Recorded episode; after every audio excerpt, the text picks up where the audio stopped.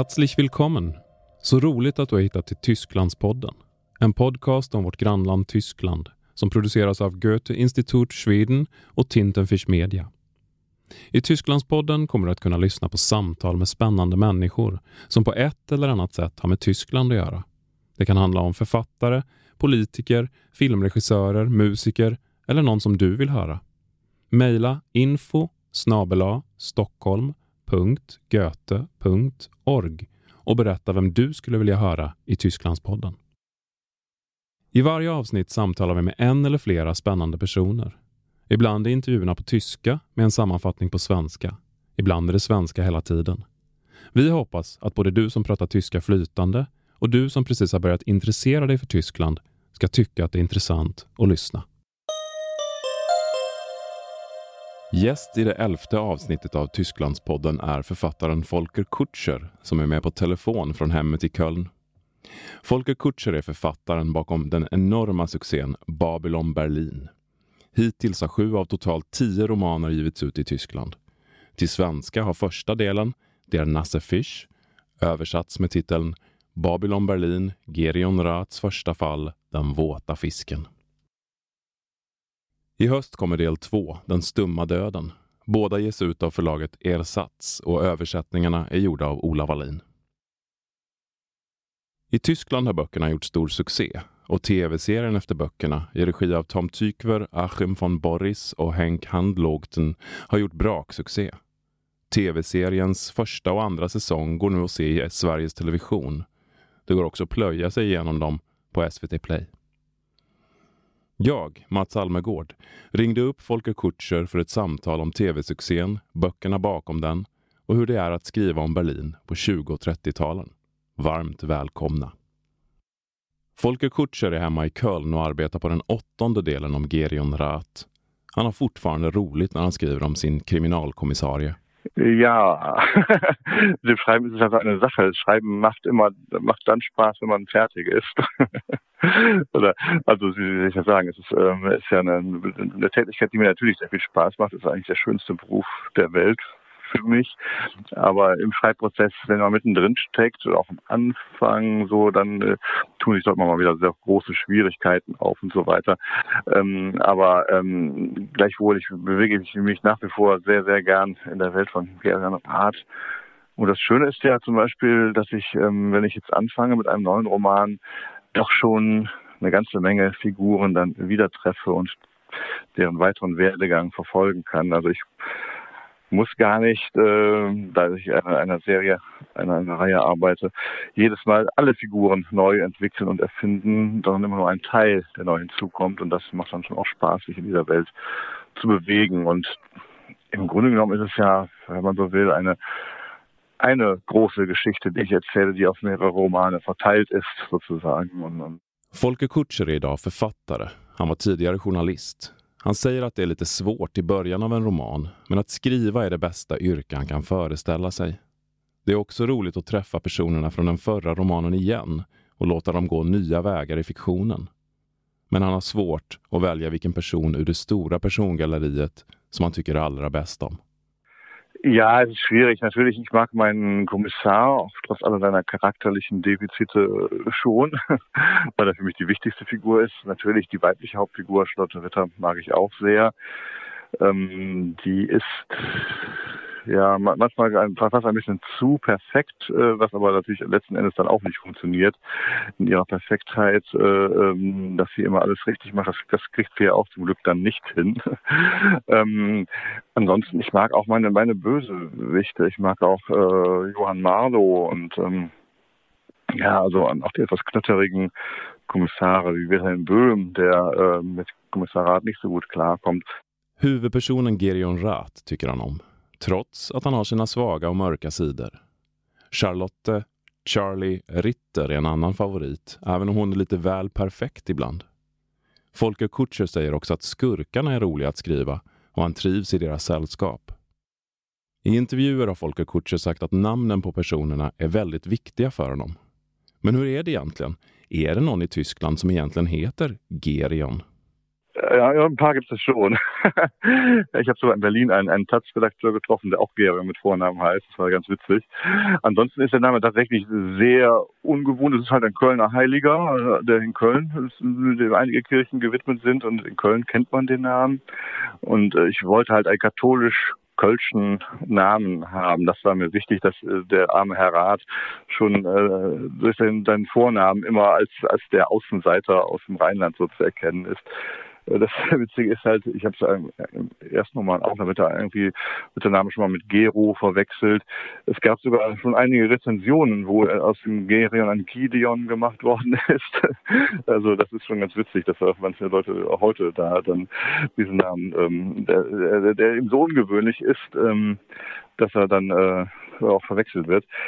Aber ich finde den Namen tatsächlich, ähm, ich habe längere Zeit danach gesucht nach einem typisch rheinisch-kölschen Namen. Da gibt es auch noch ein paar andere Möglichkeiten. Seine Brüder zum Beispiel, Severin oder Anno, das wären auch sehr typisch Kölner heiligen Namen. Oder Engelbert, wie sein Vater heißt. Aber Gerion äh, erschien mir der Name, der irgendwie auch vom Klang her ganz gut zusammen, so ein, leicht, ein leichter Hardboiled-Held ist er ja so ein bisschen, nicht komplett, aber er muss, er sollte schon ein bisschen cooler und dunkler klingen, der Name, und deswegen Gerion.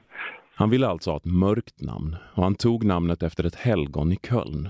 Det var också viktigt att Gerion Rath skulle vara igenkännbar som kölnare och därmed som en utböling i Berlin. Han ville helt enkelt ha en utomståendes perspektiv på den tyska huvudstaden. Och eftersom han själv kommer från Köln var det enkelt att skriva en huvudperson som också gör det. Diesen Gegensatz, äh, ja, Köln, Berlin, äh, der ist äh, zum einen groß und auch wieder nicht ganz so groß, aber gerade wegen der Konfession, katholisch, evangelisch, war damals deutlich, noch deutlich wichtiger als heutzutage. Und hat sich ja so ein bisschen, in, glaube ich, im Lebensgefühl äh, dann auch niedergeschlagen. Die protestantischen Preußen waren dann doch eher so ein bisschen pflichtbewusster, während der Rheinländer doch eher so katholisch sich ein bisschen durchwurstelt und äh, auch sich hat, denkt, ich kann ja beichten, ich kann ja ruhig ein paar Sünden begehen und so weiter. Das ist so ein bisschen eine andere Mentalitätsgeschichte im Grunde genommen und da spiele ich ja manchmal auch so ein kleines bisschen mit. Att Gerion Rath kommer från Köln var också ett sätt att visa på spänningen som finns mellan det katolska i den staden och det protestantiska Berlin. Folke Kutscher säger också att Kölnbornas och rheinländarnas mentalitet passade Gerion Rath. Also im Falle von Gerion Rath passt das eigentlich ganz gut, dass äh, seine Methode mit den Herausforderungen der Zeit umzugehen, also sprich äh, mit den Nazis, die immer mächtiger werden, mit der Republik, die immer schwächer wird, besteht darin, dass er sagt, das geht mich alles nichts an, da werde ich mich schon irgendwie durchwursteln.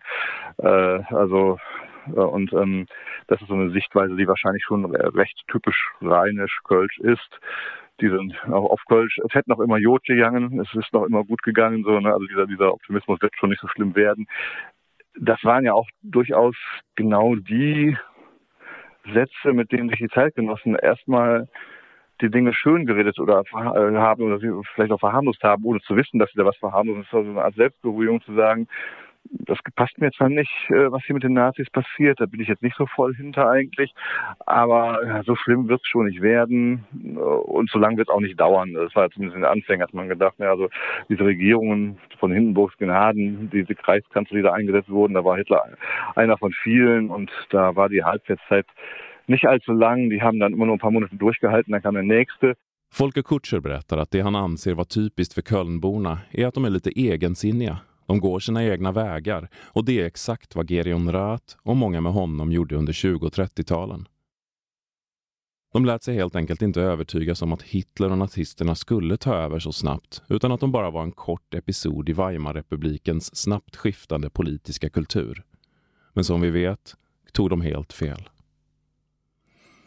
Folke Kutschers böcker är deckare, men de är också noggrant researchade historiska romaner och framförallt har han använt sig av gamla dagstidningar när han har utformat de historiska miljöerna. Das, das wichtigste Archiv, was ich besuche, ist eigentlich im Grunde, was ich vor jedem Roman mache, ist ähm, die Zeitungsabteilung der ähm, Staatsbibliothek in Berlin, weil ich, ähm, da sind wir wieder beim Thema Zeitung, ähm, also das, das wichtigste Teil der Recherche, was jetzt das Einfinden in die Zeit angeht, äh, ist tatsächlich äh, Tageszeitungslektüre.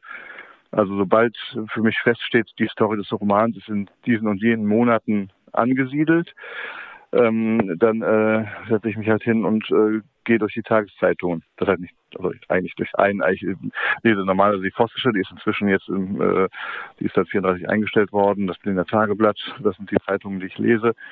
Also ehemals liberale Zeitungen, aber nach 33 ist auch das Berliner Tageblatt nicht mehr liberal, sondern gleichgeschaltet. Aber wie auch immer, man kann, wenn man da wirklich äh, auch die Kleinigkeiten liest, die lokalen Nachrichten, auch die die Witzseiten, die Rätsel, äh, was auch immer in der Zeitung so alles drin ist, auch die, auch die Werbeanzeigen, wo man ein bisschen Gefühl bekommt für, die, das Preisgefüge der damaligen Zeit und so weiter. Da kann man sich, wie ich finde, sehr, sehr gut in ähm, die Zeit einfühlen. I dagstidningarna hittar Folke Kutscher mycket material som han återanvänder. Lokalnyheter, skämtsidor, korsord och annonser. För även om man vill berätta spännande deckargåtor handlar det kanske ännu mer om att skriva historiska romaner om en spännande tid. Weimarrepubliken och hur det gick till när denna fredliga tid förvandlades till nazistdiktatur. Att förlägga den första romanen till år 1929 var viktigt. Det var schon so ein bisschen die Überlegung, wann fing es denn an, umzukippen, weil die Weimarer äh, Demokratie hatte ja doch ein paar stabile Jahre, so nachdem nach der Inflation, nachdem die bekämpft worden war, ähm, so bis ungefähr eben 1929 ging es wirtschaftlich durchaus äh, auch wieder endlich wieder aufwärts nach dem Krieg, obwohl man sich immer noch in der Nachkriegszeit ja auch fühlte und auch noch so ein Straßenbild ja sah. Ne? Ja, weil jede Menge ähm, versetzte Soldaten, denen ein Arm äh, und ein Bein fehlte, da eben bettelten und so weiter. Dann waren wir noch in der Nachkriegszeit. Aber es ging aufwärts, es ging wirtschaftlich aufwärts, unter anderem auch mit äh, viel amerikanischem Geld. Und es waren die wenigen Jahre, wo die Republik, die ja dann leider Gottes ja die Fehler des Kaiserreichs ausbaden musste, wo die Republik in der Bevölkerung so mehr akzeptiert wurde. Und äh, 1929 war das Jahr, in dem das wieder zurückging. Ganz eindeutig natürlich durch den Börsenkrach ähm, Ende des Jahres, aber das fing meines Erachtens eben auch schon früher an. Und diese Ereignisse um den, um den Blutmai, die ja eine zentrale Rolle auch in dem Kriminalroman spielen, ähm, die sind eigentlich so im, ja, im Geschichtsunterricht habe ich da nicht viel von gehört. Das ist so, eine, so ein vergessenes Ereignis. Aber das war, glaube ich, für die Zeitgenossen, die das miterlebt haben, das erste Mal wieder so ein Gefühl von Bürgerkrieg auf den Berliner Straßen nach zehn Jahren. Äh, einiger, und äh, das äh, hat, glaube ich, durchaus auch Eindruck hinterlassen. Folke Kutscher ville undersöka hur det gick till när den relativt fungerande demokratin i Weimarrepubliken började slå över till något annat. I början var situationen rätt bra. Ekonomin gick okej, okay, men 1929 kraschade börsen och samma år började gatukravallerna i Berlin igen. Blutmaj skildras i första romanen och i tv-serien. Det var då polisen brutalt slog ner kommunisterna och socialdemokraternas första majfirande. Det var en viktig händelse och då kändes det åter som krig för Berlinborna, berättar Folke Kutscher. Dann auch ein ganz wichtiges Ereignis des Jahres 29, was meist so ein bisschen vergessen wird, war der Tod von Stresemann, der als äh, Persönlichkeit auch ganz viele auch eher konservativ national denkendere Menschen an die Republik gebunden hat. Das sind alles Ereignisse, die dann in Summe dazu geführt haben, dass die Republik immer schwächer wurden, wurde und dass ja in letzter Konsequenz dann irgendwann die Nazis in dieses Machtvakuum stoßen konnten. 1929 var också året då Weimarrepublikens utrikesminister Gustav Stresemann dog. Han stod för ett närmande mellan Tyskland och Frankrike och bidrog aktivt till att Tyskland blev medlem i Nationernas förbund, föregångaren till FN. Stresemann tog emot Nobels fredspris för sitt arbete. När han dog försvagades Weimarrepubliken ytterligare och banade väg för Hitlers maktövertagande. De politiskt turbulenta tider vi lever i jämförs ibland med Weimarrepubliken. Men Kutscher menar att den jämförelsen haltar. Ich finde es immer sehr, sehr, äh, ja auch, oft zu, zu, zu einfach macht man es sich, wenn man da sagt, es ist ja heute wie Weimar, weil es ist nicht so. Es, uns geht äh, zum einen ja schon äh, wirtschaftlich äh, viel, viel besser. Das Elend, in dem damals äh, auch selbst Arbeiterfamilien, die, die eine Arbeit hatten, hausen mussten, äh, das können sich, kann sich unsere Generation eigentlich gar nicht mehr vorstellen. Ähm, das sind, also diese Vergleiche, Vergleiche sind immer sehr, sehr, sehr schief. Und deswegen wehre ich mich da mal ein wenig dagegen. Äh, aber ich finde, also ich finde halt, äh, Geschichte wiederholt sich nicht. Da bin ich mir ziemlich sicher. Äh, nicht eins zu eins, aber gleichwohl kann man aus der Geschichte lernen. Und ja, die Menschheit ist dummerweise wirklich auch in der Lage, dieselben Fehler wieder und wieder zu machen. Und ähm, ich glaube, da kann ein wenig Interesse für Geschichte und äh, sich beschäftigen mit Geschichte, mit historischen Ereignissen schon dazu beitragen, vielleicht äh, diese Fehler nicht immer wieder und wieder zu machen. Zum Beispiel auch die Gefahr von rechts zu unterschätzen und so weiter. Und vor allen Dingen, das ist für mich eine Erkenntnis der letzten Jahre, die ich auch noch nicht hatte, als ich mit der Romanreihe angefangen habe. Ähm, das ist ja schon ewig her. Das 2002, 2003 habe ich mir die ersten Gedanken gemacht. Ähm, und 2007 ist der erste Roman endlich erschienen. Jedenfalls ähm, in den letzten Jahren haben wir gemerkt, hier im Westen, dass die Demokratie doch ein sehr fragiles Gebilde ist. Und ich äh, habe in meiner westdeutschen Jugend äh, das immer so erlebt, äh, dass äh, das ist für selbstverständlich. Das ist eben, wir haben diese Freiheiten und die sind eben da und da können wir uns freuen und äh, das ist jetzt eine stabile Demokratie im Gegensatz zu der Weimarer Demokratie und das ist ja auch alles ein bisschen so, äh, das, das hoffe ich sehr und das sieht man auch ein bisschen jetzt momentan, dass die bundesrepublikanische Demokratie doch eine stabilere ist als die Weimarer, aber auch die ist nicht, ähm, hat keine Ewigkeitsgarantie und äh, hat ihre Schwächen und ist keine Selbstverständlichkeit vor allen Dingen. Ich glaube, das merken wir und äh, dass äh, man letzten Endes um diese Errungenschaft, die die Demokratie darstellt und der Sozialstaat und alles, was damit zusammenhängt, die ganzen Freiheiten, dass wir diese Errungenschaften bewahren müssen, dass wir zum wenn es sein muss, auch darum kämpfen müssen, weil sie eben nicht selbstverständlich sind, weil äh, Feinde hat die Demokratie genug. Und die kommen nicht nur von rechts, das sind auch Islamisten und, und alle, die gegen diese freiheitlich-demokratische Lebensweise äh, sind.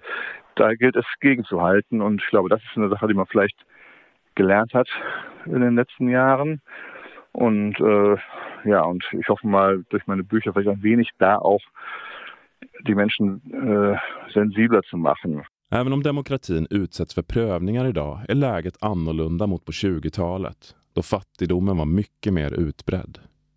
Historien upprepar sig inte, säger Folke Kutscher, men menar samtidigt att vi kan lära mycket av den och han hoppas med sina böcker kunna bidra till att samma fel inte begås igen. Som hotet från höger och islamistiska grupperingar som IS och han vill uppmärksamma att demokrati är något ömtåligt som vi alla måste hjälpa till att bevara och skydda. Just nu kan man alltså se Babylon Berlin på svensk tv. I Tyskland pågår arbetet med en ny serie, den tredje. Den är baserad på roman nummer två, Der Stumme Tod, Den stumma döden. Folke Kutscher var aldrig intresserad av att delta i arbetet med tv-serien. För honom är det romanerna som gäller. Men givetvis följer han den med stort intresse och när han såg det första avsnittet var han mycket imponerad. Ja, habe ich, ja, ja habe ich damals. Äh, tatsächlich, es lief in Deutschland sogar schon zunächst ähm, bei Sky äh, 2017, also schon vor, ja, vor zwei Jahren ungefähr war ich zum ersten Mal im, im Screening-Raum, äh, da bei X-Filme, äh, vor der Ausstrahlung habe ich das schon angeschaut, als es dann ganz fertig war, ganz frisch. Und das war schon sehr beeindruckend, das zu sehen tatsächlich. Ja. Att se personer på film som man själv hittat på, var inte det konstigt? Ähm, komisch war es nicht. Also ich hatte so ein bisschen eigentlich viel, mehr Angst davor, dann das nächste Mal an den Schreibtisch zu gehen. Äh, die Frage ist es denn, wenn man seine Figuren dann plötzlich gesehen hat und, und, und äh, äh überlagern die plötzlich die eigene Fantasiewelt, die, äh, die eigenen Bilder, die ich auch im Kopf habe, wenn ich schreibe. Und dem war zum Glück nicht so. Und was auch daran liegt, dass der Film einfach nicht nur ein, ein Abpausen, ein eins zu einem ein Bilderbuch sozusagen der Roman ist, sondern seine Geschichte äh, auf eigene Art und Weise erzählt, dass die Figuren etwas anders anlegt. Deswegen ist das gar nicht passiert. Also, ähm, dass ich da, dass ich das überlagert habe. Das sind für mich auch wirklich zwei so ein bisschen Paralleluniversen. Mein, meine, also das, was ich so im Kopf habe, wie, wie mein Gerinnenrat und meine Ritter so daherkommen ähm, äh, und dann eben wiederum die, die äh, Fernsehserienwelt. Nej, han tycker inte att det var så konstigt att se dem. Böckerna är en sak, tv-serien en annan. Det enda han var lite rädd för var att bli påverkad av hur personerna såg ut och spelades av skådespelarna. Men tillbaka vid skrivbordet igen gick allt som vanligt. Hoppas nu bara att de som ser tv-serien också läser böckerna om Gerion Rath, för det är de värda. Mer välskrivna deckare är svåra att hitta. Och med de orden säger vi tack för den här gången. Tysklandspodden är tillbaka igen efter sommaren. Och Tysklandspodden produceras av mig, Mats Almegård på Tintenfisch Media för Goethe Institut Schweden. Ljudproducent är Andreas Tilliander. Auf Wiederhören.